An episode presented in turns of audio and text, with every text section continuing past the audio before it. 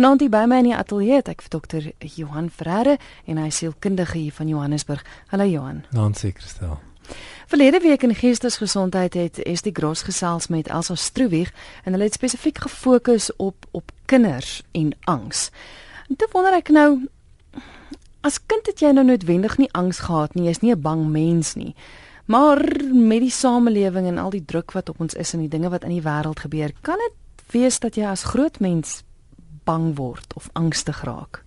Definitief. Ehm um, kyk, die grootste dilemma met angs is dat wanneer mense aan angs begin ly, dat hulle gedagtes dan rondom die angs gefikseer word en dat hulle dan in die toekoms begin leef en dan die hele tyd verwag dat hulle angstig sal word. En dis baie keer sneller dat die simptome dan terwyl daar geen meetbare stresor is nie, dan kom die angs nog steeds by die persoon op en veroorsaak dat die angs dan intensifiseer en dit kan sommige mense se hele lewens kaap. Mm. Want ek dink nou daaraan mense kry verskillende soorte angs. Ek meen ek ek weet van baie mense wat met 'n uh, geweldige vrees rondloop dat hulle kinders iets gaan oorkom. En dit is eintlik baie ek weet nou nie of ek die regte woord gebruik nie, maar destruktief is dit want jy mm.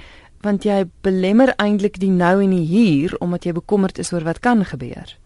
Dit is so, jy weet mense wat um nie bewustelik leef in die hier en die nou nie, sit uit die aard van saak of vas in iets wat in die verlede gebeur het of hulle is bekommerd of dink aan dit wat in die toekoms gaan kom. Nou angs kan definitief so manifesteer in ons lewe waar daar meetbare bekommernisse kan wees. Ouers behoort bekommerd te wees oor hulle kinders. Maar as jy dan so in die vrees gaan vassit oor iets wat dalk in jou kinderdae gebeur het of oor die toekoms van jou kinders begin angstig raak, dat jy nie eintlik die hier en die nou kan geniet nie en dat jy hulle ook nie toelaat om die hier en die nou te geniet nie want nou is jy bang vir alles. Mm. Jy mm. antisipeer, jy verwag nou eintlik dat iets negatief of iets slegs sal gebeur en dit inhibeer um jou vryheid en hulle vryheid om eintlik effektief te kan leef. Johan, hoe behandel mens dit? Want ek weet van 'n klomp mense wat wel angsaanvalle kry. Is daar medikasie daarvoor of is dit nie so eenvoudig nie? Moet mens net praat daaroor?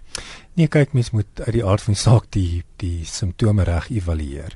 Daar's baie effektiewe medikasie wat mens kan gebruik vir paniekaanvalle en vir angstigheid, maar dit moet natuurlik baie oordeelkundig voorgeskryf word. So jy moet by die regte professionele persoon uitkom wat die simptome vir jou reg kan evalueer en dan met verantwoordbaarheid vir jou op die regte medikasie begin omdat angs so sterk in die liggaam gesetel is. Met ander woorde die simptome wat jy beleef is baie sterk fisiologies gedrewe.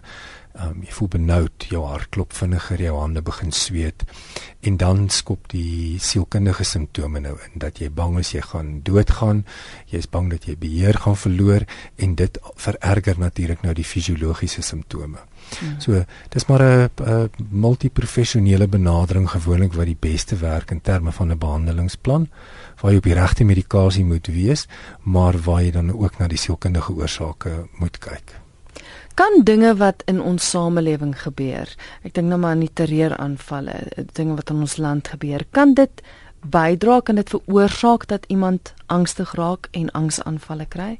Definitief. Kyk die die kollektiewe bewussyn is nou maar iets waarvan meeste mense bewus moet wees. So die die atmosfeer waarin ons leef, die atmosfeer in ons huis, die atmosfeer in ons buurt, die atmosfeer in ons land dra definitief by tot jou bewussyn van is jy veilig? Is daar 'n toekomsvisie? Is daar hoop vir die toekoms? En as hierdie aspekte van ons denke aangetas word deur geweld, die verlies aan hoop, die gebrek aan integriteit van leierskap, dan veroorsaak dit verhoogde angs by mense want mense dink mos nou oor die effek van al hierdie negativiteit in hulle lewe. En is dit eintlik heeltemal gewettig dat dat as 'n groep, dat as 'n dat as 'n kollektiewe organisme mense dan hoër angsvlakke sal beleef. Mm. Sou jy voorstel dat so 'n persoon dan glad nie koerant lees nie, nie nuus kyk nie? Dit is tog nie realisties nie. Mens moet tog weet wat aangaan. Dit is so kyk, ehm um, daar is sekere mense wat kies om hulle self net nie langer aan die ongelooflike vloei van negativiteit bloot te stel nie. So 'n mens kan definitief beperk die negativiteit wat na jou toe kom en om dan te sê as ek dit nie kan beperk nie, dan moet ek kies om iets konstruktief daarmee te doen. Hmm. So as dit negatief gaan in die land en ek luister nuus, dan moet ek kies om iets daaraan te doen. So of ek moet my denkpatrone rondom dit verander of ek moet betrokke raak by iets wat my laat voel dat ek nie heeltemal hulpeloos is nie. Hmm. Ek gesels met Dr. Johan Ferreira, hy is hier in die ateljee. Ek het nou 'n SMS van anoniem gekry wat sê: "My skoonseun kry angsaanvalle vandat hy 17 jaar oud is. Hy's nou 36 jaar oud, maar die pille verander elke keer. Hy kry nou lithium, maar dit maak hom depressief. Hy bly sê hy wil selfmoord pleeg. Sy werk is baie gevaarlik, ons is eintlik baie bekommerd. Is dit oorerflik? Kan my kleinkind dit kry?" help tog asseblief. Kyk in terme van die oorerflikheid moet ons verstaan dat 'n deel van ons persoonlikheidstyl is geneties vasgelê. Ons erf 'n deel van ons persoonlikheidstyl by ons ma en by ons biologiese pa en dit word bepaal deur ons temperament. So, ehm, 'n um, deel daarvan kan natuurlik oorerflik wees en mens moet dit maar dophou. Ehm um, ons sien baie keer dat in sekere families sal mense ook sê, weet jy, ons is maar 'n senuweeagtige spul. Jy weet van nature is ons maar fyn besnaar. So natuurlik is dit is dit geneties. Die die persoon wat behandeling ontvang vir vir angsaanvalle dit klink vir my asof daar, jy weet, ander kompliserende faktore ook by betrokke is. Soos daar's 'n potensiële byversteuring dalk ook wat manifesteer. En uit die aard van die saak moet mens dan nou maar, ehm um, jy weet, indien die persoon sy psigiater gereeld sien, die effektiwiteit van die medikasie, jy weet, in konsultasie beoordeel. Hmm. Want op die ou end dit bly nie 'n een eenvoudige ding nie. Mens moet gaan kyk wat die oorsaak is moontlik daarvan, dan moet jy besluit. Ek meen dis nie net hierdie pilletjie alles gaan nou reg wees nie. Dis 'n verskriklike lang pad wat mens stap.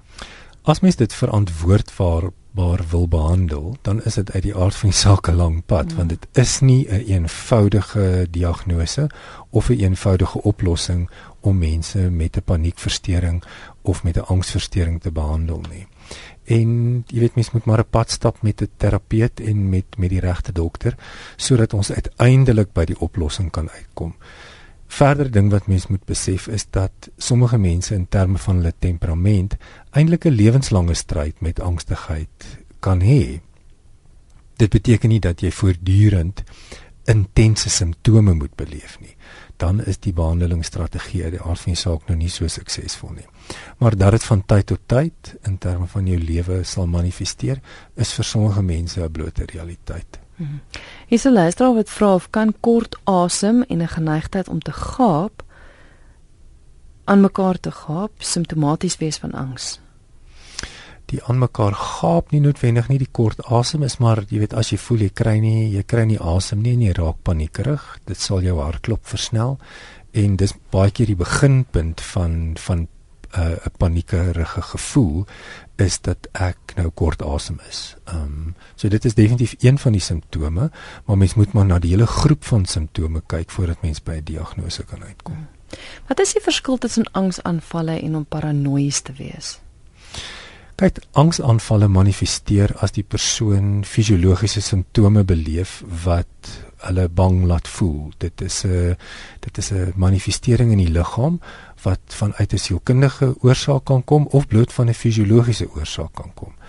Paranoia is as jy die die die stressors, dit wat die paniek veroorsaak, nie effektief evalueer nie. So as ek 'n vrees het vir die vir die veiligheid van my kinders, Ek dink dis 'n realistiese vrees wat meeste mense op een of ander stadium van hulle lewe kan hê. As dit paranoia word, dan beteken dit ek kan aan niks anders dink nie. Ek evalueer nie die omvang van dit wat my kind bedreig effektief nie.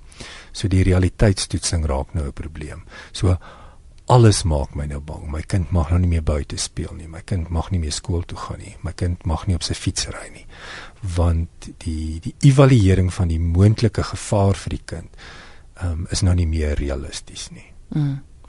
Ja, luister nou geestesgesondheid. Vanaand gesels ek en Dr. Johan Ferreira oor groot mense en angs of volwassenes se belewing van angs. Hier is 'n e-pos wat deurgekom het van Johan.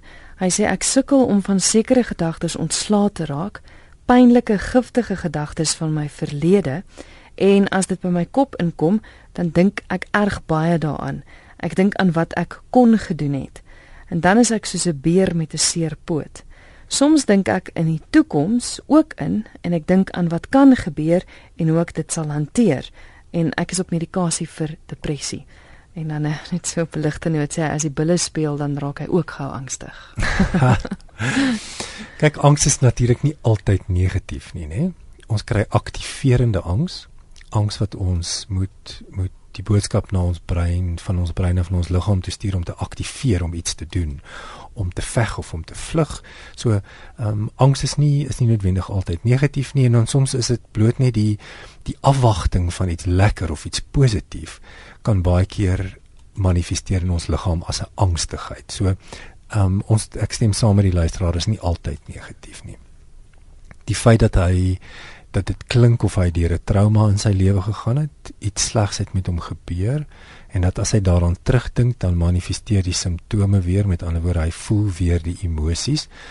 Klink dit vir my asof sy gedagtepatroon nou nou in 'n in 'n geslote baan gaan en dan dink hy oor en oor en oor daaraan en dink aan moontlike oplossings nou wat effektief sal wees is om maar jy weet in 'n terapeutiese gesprek met iemand te gaan daaroor en daai geslote baan van denke te probeer oopsluit sodat die negatiewe gedagtes kan uitkom dat ek moontlik kan dink aan 'n meer effektiewe oplossing vir die toekoms. Met ander woorde, ek hou dan nie aan met die obsessiewe gedagte oor die negativiteit wat die angs veroorsaak nie. Ek laat nou die kans toe dat daar 'n moontlike positiewe oplossing kan kom vir die toekoms.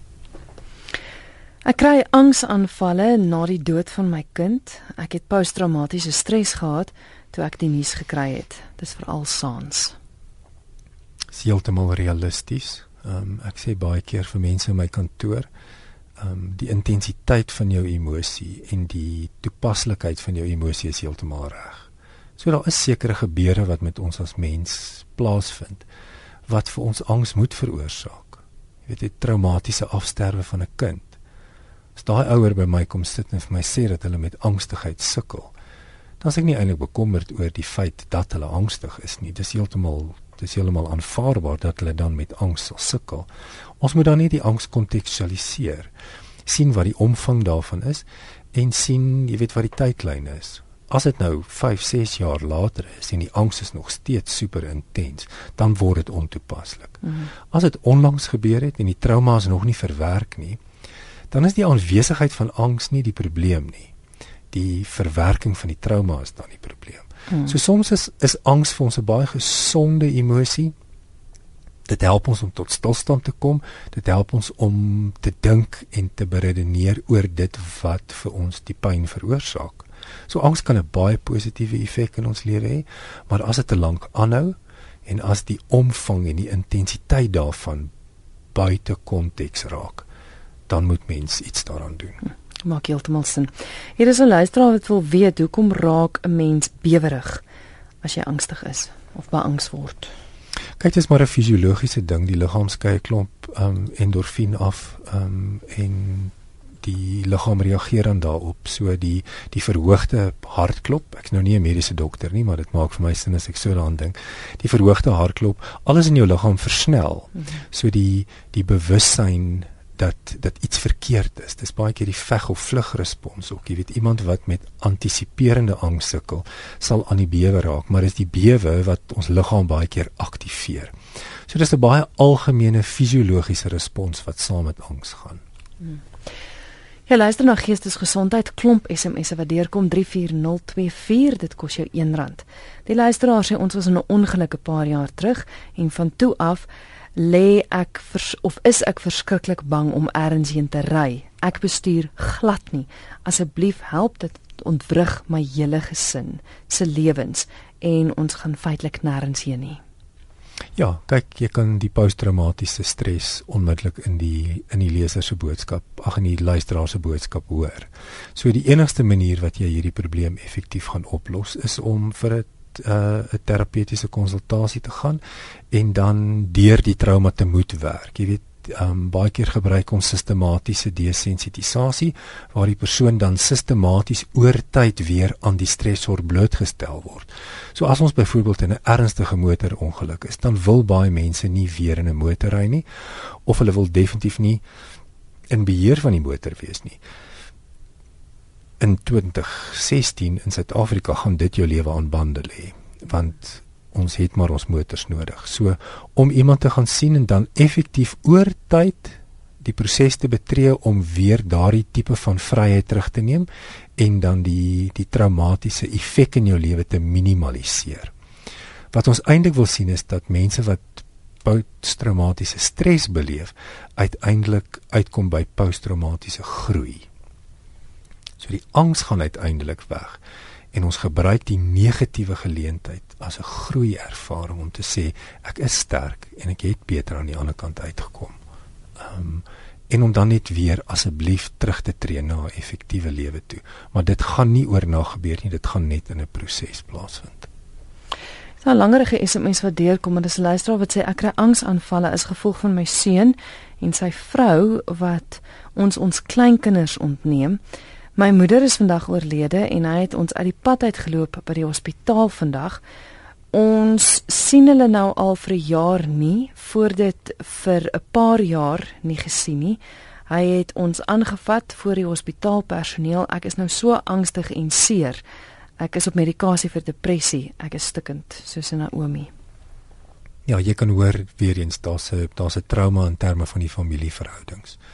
En uit die aard van die saak elke keer wat mens so iemand in die gesig moet kyk sonder dat die konflik opgelos is, dan word die persoon bloot net gehertraumatiseer. So as jy reeds met angstigheid sukkel en jy het nou reeds 'n baie verstoring ontwikkel op grond van hierdie trauma wat in die familie plaasgevind het en julle moet mekaar nou van tyd tot tyd ergens raakloop, maar die krisis is nog nie opgelos nie, dan is dit maar eintlik net soos jy weet om iemand op dieselfde blou kol weer te gaan slaan daar waar dit reeds seer is, daar waar jy reeds 'n verwonding opgedoen het, daar kry jy nou net nog 'n verwonding. So mm. eintlik die jy weet daar's een van twee oplossings vir my kontak met daai persoon of los die krisis op. Ehm um, maar nou hang dit natuurlik nou af of die ander party ook wil sou wil deelneem aan die oplossing van die probleem. Maar om om terug te gaan na 'n konteks toe waar jy weet, waar jy verseker weet jy gaan weer verwond word op die ou uiteinde is dit nie baie wys om dit te doen nie. Die die angstigheid sal net toeneem. Mhm. Nou sy is 'n ouma so ek kan dink dat die opsie van om hulle net te vermy. Nee. Ja, maar hoe maak wat se raad sou jy vir gee om te sê jy weet ek meen sy wil graag van haar kant af dalk regmaak, mm. maar die mhm. ander persoon wil nie. Wat doen mens dan? Mens wend maar net 'n poging aan van tyd tot tyd om weet maak aanspraak op jou op die persoon se se se ingesteldheid tot 'n verhouding. Maak net seker dat die persoon weet dat ek van my kant af graag die verhouding sou wou herstel. As ek moet sê ek is jammer as ek iets met regmaak ehm um, sê vir my wat dit is wat ek kan doen en kyk of jy die persoon kan ooreed tot tot die herstel van die verhouding. Sommige mense sal oor tyd en dan kry mens natuurlik nou uiters hardkoppige individue wat net nie oor hulle self kan kom nie en wat eerder die verhouding sal saboteer as om te sê hulle is jammer en ongelukkig in daai gevalle is dit maar 'n ding wat oor baie lank tyd moontlik 'n goeie oplossing kan hê en die hartseer is dat in sommige gevalle los dit nooit op nie. So, as dit te laat is. Susan het ook 'n SMS gestuur wat sê ek kry angsaanvalle uh, net na my hysterektomie. Ek was nie bang of emosioneel vir die operasie nie. Ek is op pille, maar ek kry die angsaanvalle gereeld. Ek sou dink dat sy moontlik sou moet gaan kyk wat het daai ervaring vir haar gekontamineer. Iets moes plaasgevind het in terme van 'n denkproses wat vir haar die koneksie gemaak het, die verbintenis gemaak het tussen die operasie en haar angstigheid. So iets, jy weet, val nie net uit die hemel uit en en nou is dit vir jou so nie of dit iets bewustelik of iets onbewustelik is dit klink vir my daar is 'n daar's 'n koneksie tussen haar emosionele belewenis van haar lewe tans en die gebeurtenis van die van die spesifieke operasie wat sy gehad het. So ek sou dink dat dit 'n uh, 'n proses van eksplorasie moes wees. Sy sou moet gaan kyk, ondersoek instel na waar het waar het daai koneksie vir haar plaasgevind. Dit is nou 28 minute voor 12. Jy luister na Geestesgesondheid. Dr. Johan Ferreira is hier by my in die ateljee en ons gesels oor volwassenes se belewing van angs. Louisa sê, uh, "My oorlede man se skielike dood 7 jaar gelede was vir my so 'n skok dat ek vir 10 dae nie kon huil nie. Ek sukkel nog maar met afsluiting, al twee keer by 'n psigiater gewees." Kyk, die dood is natuurlik nou 'n permanente ding waarin ons geen sê het nie. So vir enige redelike rasionele, redelike intelligente volwassene is dit 'n onaanvaarbare konteks. Ons hou niks daarvan as iets met ons gebeur waar ons geen sê het nie en wat permanent is. So weer eens die die omvang van die skok, die teenwoordigheid van die simptome glad nie ongewoon vir iemand wat 'n lewensmaat verloor aan die dood om in skok in te gaan en in kwaad te wees en al die negatiewe emosies van 'n rouproses te beleef nie. En om dan vir mens genoeg tyd te gee om volledig deur die rouproses te gaan. Nou in my ervaring, weet jy, 'n rouproses is is nou so wyd soos die Here se genade. Elke mens beleef dit anders. Daar's sekere wetmatighede wat ons kan verwag. Maar jy sal jou temperament, jou persoonlikheidstyl mooi moet gaan ondersoek om te besef maar hoe gaan jy dit doen. Hmm. Sommige mense doen dit baie vinnig en los dit effektief op. Dit beteken glad nie dat hulle dit verkeerd gedoen het nie. Ander mense vat verskriklik lank en hulle gaan by herhaling deur dieselfde prosesse. En dis asof hulle elke keer nader kom aan die oplossing en dan sit weer twee trappies agteruit en dan weer eenetjie vorentoe en dan voel dit weer so 10 tree agteruit. My my raad is om net nie op te hou met 'n rouproses nie. Van tyd tot tyd moet jy maar in die diep pyn gaan sit van die verlies. Ehm um, dit net te voel. Indien dit oor tyd nie beter word nie dit moet stelselmatig beter word. Dan sê iemand moet gaan sien, maar dan kan jy moontlik in 'n patologiese rouproses vasgeval wees. Goed. Die SMS nommer is 34024. Dis 34024. Elke SMS kos jou R1 en e-posse kan gestuur word via ons webwerf rsg.co.za. En daar was nou net 'n oproep gewees, nou is hy weg. 0891104553. Dis die nommer hier in die ateljee. 089 0891104553. RSG goeienaand. Goeienaand.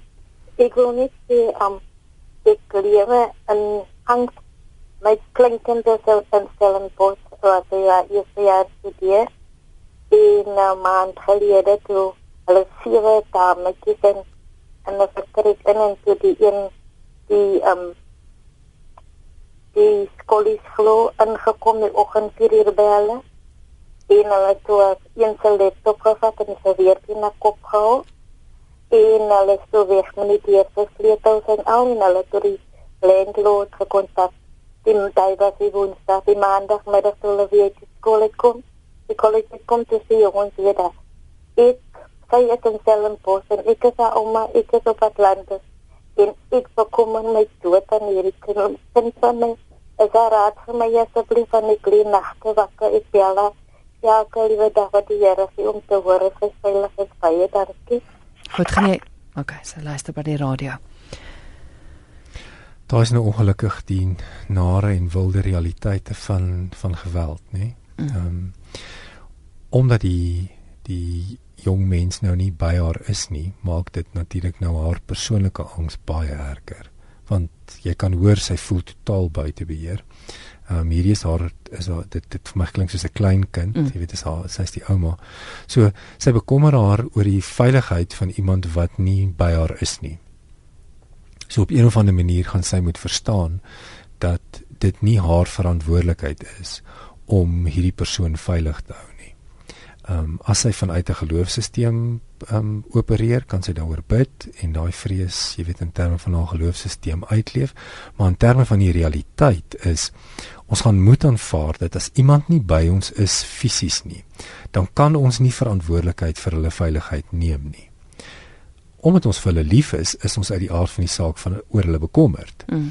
Maar as ons dan nou iets daaraan wil doen, dan sal ons moet kyk kan ons die persoon wat dan in gevaar is help om hulle fisiese omgewing veiliger te maak. Om dan met die kleinkind te praat en te sê maar, jy weet, het julle nou al uh nuwe sleutels gekry? Het julle nuwe slotte op? Ehm um, wat kan maak dat my gedagtes vir my kan sê maar die situasie is nie meer dieselfde nie. Ja, en dis eintlik erg want ek meen ons is in ons land so gekonfronteer met met geweld en en hier's die invloed nou dis nie net haar kleindogter wat heel moontlik ook met met posttraumatiese stres en dinge hmm. sit nie maar ouma wat nie eers deel was van die hele proses nie is ook nou angstig. Ja kyk ons noem dit sekondêre trauma. Hmm. die die persoon wat dit aanhoor, die familielid wat nie daar is nie, wat moet hoor wat met jou gebeur het, lei dan nou aan sekondêre trauma. Jy kan hoor hierdie luisteraar is getraumatiseer. Dit nie met haar gebeur nie, ja. maar sy's nou sekondêr getraumatiseer en dit is dit is net so werklik vir haar omdat dit met haar geliefde gebeur het. So om baie realisties te wees wanneer so iets gebeur, om te sê goed, wat kan ek in my fisiese omgewing doen wat vir my en die mense in my lewe kan sê iets is nou anders. Soos mense by my ingebreek het, dan moet ek gaan kyk en sê wat kan ek doen om my daarvan te oortuig dat dinge nou anders is. Want as ek dit dieselfde los, dan kan my vrees my totaal oorweldig want dan het ek niks in die situasie verander nie. Mm, mm. So klein skuif kan baie help. Dit is belangrik wat jy sê, jy kan nie verantwoordelikheid neem vir iemand as hulle nie by jou is nie. Jy kan nie. Hmm. Ehm um, so of dit oor die Dis moeilik, maar dis dis bitter moeilik. So jy weet of dit oor die persoon se eie keuses gaan en of dit gaan oor wat met die persoon gebeur. Ons is nie verantwoordelik vir hulle nie. Ons kan nie daar ons is nie fisiologies daar nie. So jy weet ehm um, wanneer ons kinders en ons kleinkinders dan nou ver van ons af is en ons het dalk op 'n stadium beheer oor hulle lewe gehad, gaan ons dit moet ons gaan dit moet laat vaar, ons gaan dit moet laat gaan en glo en vertrou dat hulle die regte keuse sal maak. Maar kyk, ons is mos maar 'n mens, dan ons hou daarvan om in beheer te wees. Ons hou daarvan om te weet ons is in beheer. Ons ja. wil tog dinge so graag hê dit moet loop volgens ons en ek dink een van die grootste lesse wat ek moes leer in die lewe is om te laat gaan. Om te besef ek is nie in beheer van my lewe nie. Kyk Christel, dis een van die hoofredes hoekom mense met ontoepaslike vlakke van angstigheid sukkel. Is omdat hulle beheer neem van sekere situasies of kontekste of mense se lewens waaroor hulle nie beheer het nie. Hmm.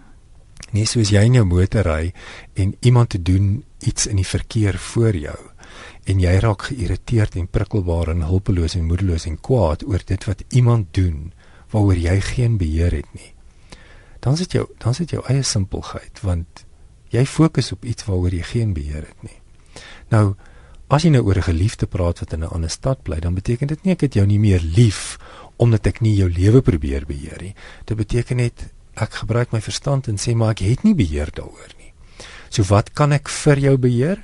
Ek kan sorg dat jy dalk genoeg geld het om in 'n ordentlike plekkie te bly of ek kan vir jou 'n geldjie stuur en jy kan 'n nuwe slot aansit maar kan nie emosioneel beheer vat nie anders gaan ek nooit weer slaap nie. Mm. Mm. Goed, kom ons kyk gou nog 'n SMS wat deurgekom het. Is hipnose as terapie voordelig in angsbehandeling? vir vir sommige mense werk dit uit die aard van saak baie effektief. Ehm um, jy weet die luisteraars moet net besef nie nie alle mense is hipnotiseerbaar nie. En met ander woorde dit werk vir sommige mense baie goed, mense wat baie suggereerbaar is. En mens moet maar altyd na 'n geregistreerde, jy weet, hipnoterapeut toe gaan. Mens kan nou nie laat enige iemand dit doen nie. En dan moet jy verstaan dat dit vir sommige mense glad nie sal werk nie. So dis 'n behandelingstegniek wat geregistreerde terapeute baie effektief kan gebruik vir sekere tipe van kliënte. Maar dit werk uit die aard van die saak nie vir almal nie. Mm. Ja, en ek meen dis eintlik 'n gesprek op sy eie angs laat my nie veg of vlug nie, maar maak my totaal en al lam, so sê Katrin. Ja, kyk dit is daai daai uiters hoë vlakke van van angstigheid kan mense totaal deaktiveer. Uh, met ander woorde hulle voel hulle voel fys, fisiologies dat hulle dat hulle net dis asof jy hulle afskakel. Hulle hulle kan nie dink nie, hulle kan iets doen nie hulle hulle hulle gaan sit net. Ehm um, so dis 'n baie intense manier van die belewing van angs. Dit het ook baie keer te doen met die hoeveelheid kere wat 'n persoon getraumatiseer is en dit het ook met persoonlikheidstyl te doen. Wat moet ek nog 'n oproep RSG goeienaand. Goeienaand, met wie praat ek? Dis Christel. Christel sê my man ek koop ek my op sê my ehm um, wat my verlede gebeur het kom weer op na my toe sê my is dit omdat ek seer gekry het toe ek jonger was? Of uh, kan jy my net meer duidelikheid gee? Ek gaan net so by die radio luister. Wag net gou ek wil net gou hoor. Johan het jy 'n vraag of twee vir die luisteraar? Ja ons is dit reg? ons moet antwoord. Goed luister by die ja. radio hoor. Kyk as daar as daar gebeure in ons lewe is wat by herhaling uit ons geheue uit terugkom in ons hier en ons nou in dit voorkom in ons bewussyn in. Ek onthou dit by herhaling. Dan is dit gewoonlik 'n baie duidelike teken van ons onbewuste al wat vir ons sê iets is fout. Ehm um, iets het in jou lewe gebeur of daar's 'n herinnering of 'n ervaring wat jy nog nie verwerk het nie en dit pla jou. Dit kry nie sy lêplek nie. Dit is soos 'n stukkie van die legkaart wat sy wat sy regte plekkie soek. So as daar as daar herhalende gedagtes is wat terugkom of 'n herhalende droom is wat terugkom, ehm um, 'n 'n geheue wat wat jy weet net net van self in jou gedagtes opkom, dan sal ek regtig voorstel dat jy met iemand daaroor gaan praat want dit dit hou vir ons baie keer baie kosbare inhoud in van dit waaraan ek behoort te werk.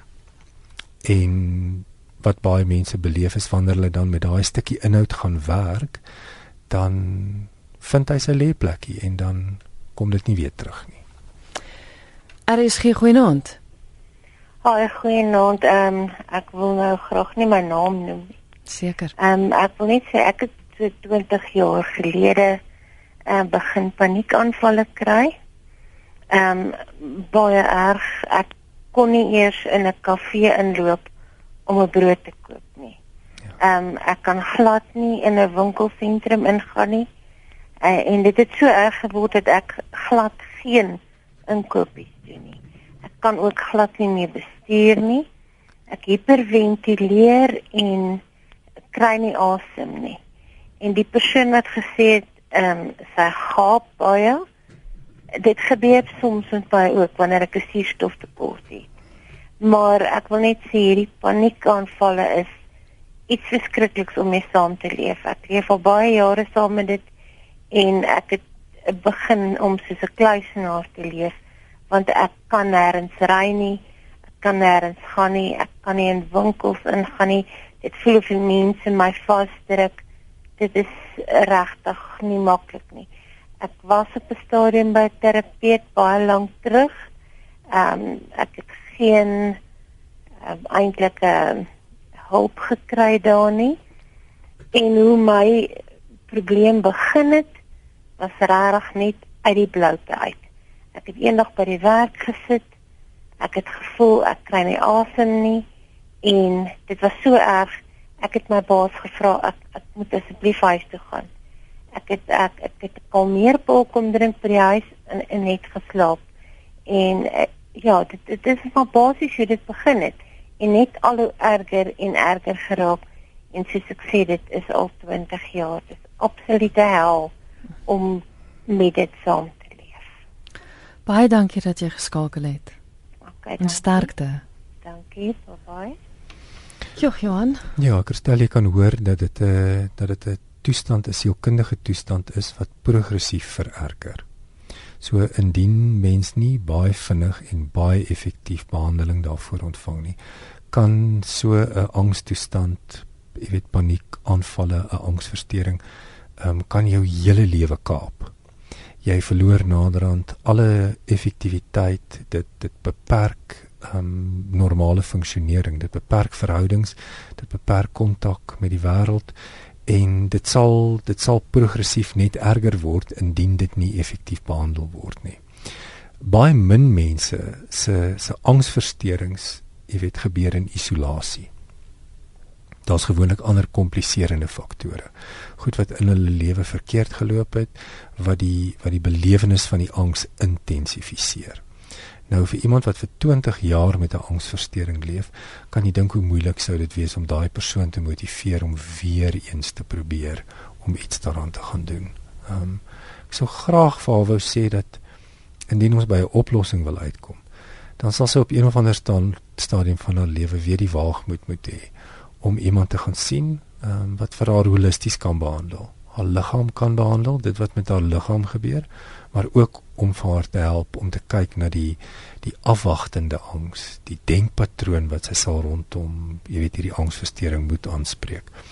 Maar dis 'n redelike klassieke beeld wat sy nou, jy weet in realiteit nou vir ons hier sê van wat met mense kan gebeur wat met 'n 'n enkele angsaanval begin het Ja, dis jammer want ek meen die feit dat die eerste behandeling nie gehelp het nie, soos jy sê, maak nou dat dat sy dalk nou nie kan sien wie daarvoor nie. Ja. Maar daar is daar is hulp. Sy ek meen ten spyte van die feit dat sy dit al 20 jaar het, dit gaan 'n lang proses wees, maar sy kan gehelp word. Kyk, dit is so dat van vanuit ons perspektief as sielkundiges en van die perspektief van psigiaters is angs een van die mees behandelbaarste van die sielkundige uitdagings wat mense het. Omdat dit so 'n sterk fisiologiese basis het, kan mens dit baie effektief holisties behandel. Maar mens moet uit die aard van die saak na 'n professionele persoon toe gaan, 'n kenner, 'n spesialis wat vir jou baie oordeelkundig en met met groot omsigtigheid met 'n proses kan help. Dit help nie gaan sien iemand net een keer mm, mm. en dink dat dit die oplossing gaan wees nie. Dit dit dit is uit die aard van die saak glad nie hoe dit werk nie. So dis 'n dis 'n fisiologiese uitdaging, dit wat met jou liggaam gebeur. Enige iemand wat nog nooit 'n angsaanval of 'n paniekaanval gehad het nie, kan geen idee hê hoe dit voel nie. Jy weet hulle beskryf vir jou dieselfde simptome as wat iemand beskryf wat 'n hartaanval kry. Mm, mm. So dis ongelooflik intens. Dit is maak hulle ongelooflik bang. Dit voel of jy gaan doodgaan. So daai effek op jou sielkundige funksionering is uit die aard van die saak ongelooflik disfunksioneel. Ons sal dit moet probeer verbreek. Anoniem asseblief skryf vir my 'n e e-pos of Johan gaan nou sy kontakbesonderhede gee. Soos hy nou sê, dit is een van die maklik behandelbaarste simptome of goed wat daar is. So, so asseblief, daar is hulp. Jogg, kom ons kry jou uit daai tronk uit want ja. 20 jaar is 'n lang tyd. Johan, ek wil net ons moet afsluit. Dis 'n luisteraar wat net vra, herhaal asseblief weer die belangrikheid van 'n plan van aksie wat angstige persone behoort te bedink ter oplossing. En hy vra, hy of sy vra 'n voorbeeld sal help asseblief wat wat gewoonlik gebeur is mense wat met angstigheid sukkel, se gedagtes is of in die verlede vasgeval of hulle is besig met die toekoms. So in die hier en die nou is daar eintlik relatief min rede vir mense om angstig te wees. Ehm um, behalwe as daar nou 'n man met 'n geweer by die deur staan, die hond gaan my nou byt. Ehm um, jy weet as daar 'n meetbare bedreiging is wat angstigheid wettig maak Meeste mense leef nie daar nie. Meeste mense leef in 'n hier en 'n nou waar die dag eintlik relatief kalm is. Maar die angstigheid kom vanuit dit wat met my gebeur het of dit wat ek vrees gaan kom. So die die plan van aksie behoort te wees dat ek soveel as moontlik moet probeer om in die hier en die nou te leef. En as my hier en my nou dan nou meeste van die tyd nie bedreigend en eintlik relatief konflikvry is, dan gaan ek moet leer om my gedagtes hier te hou.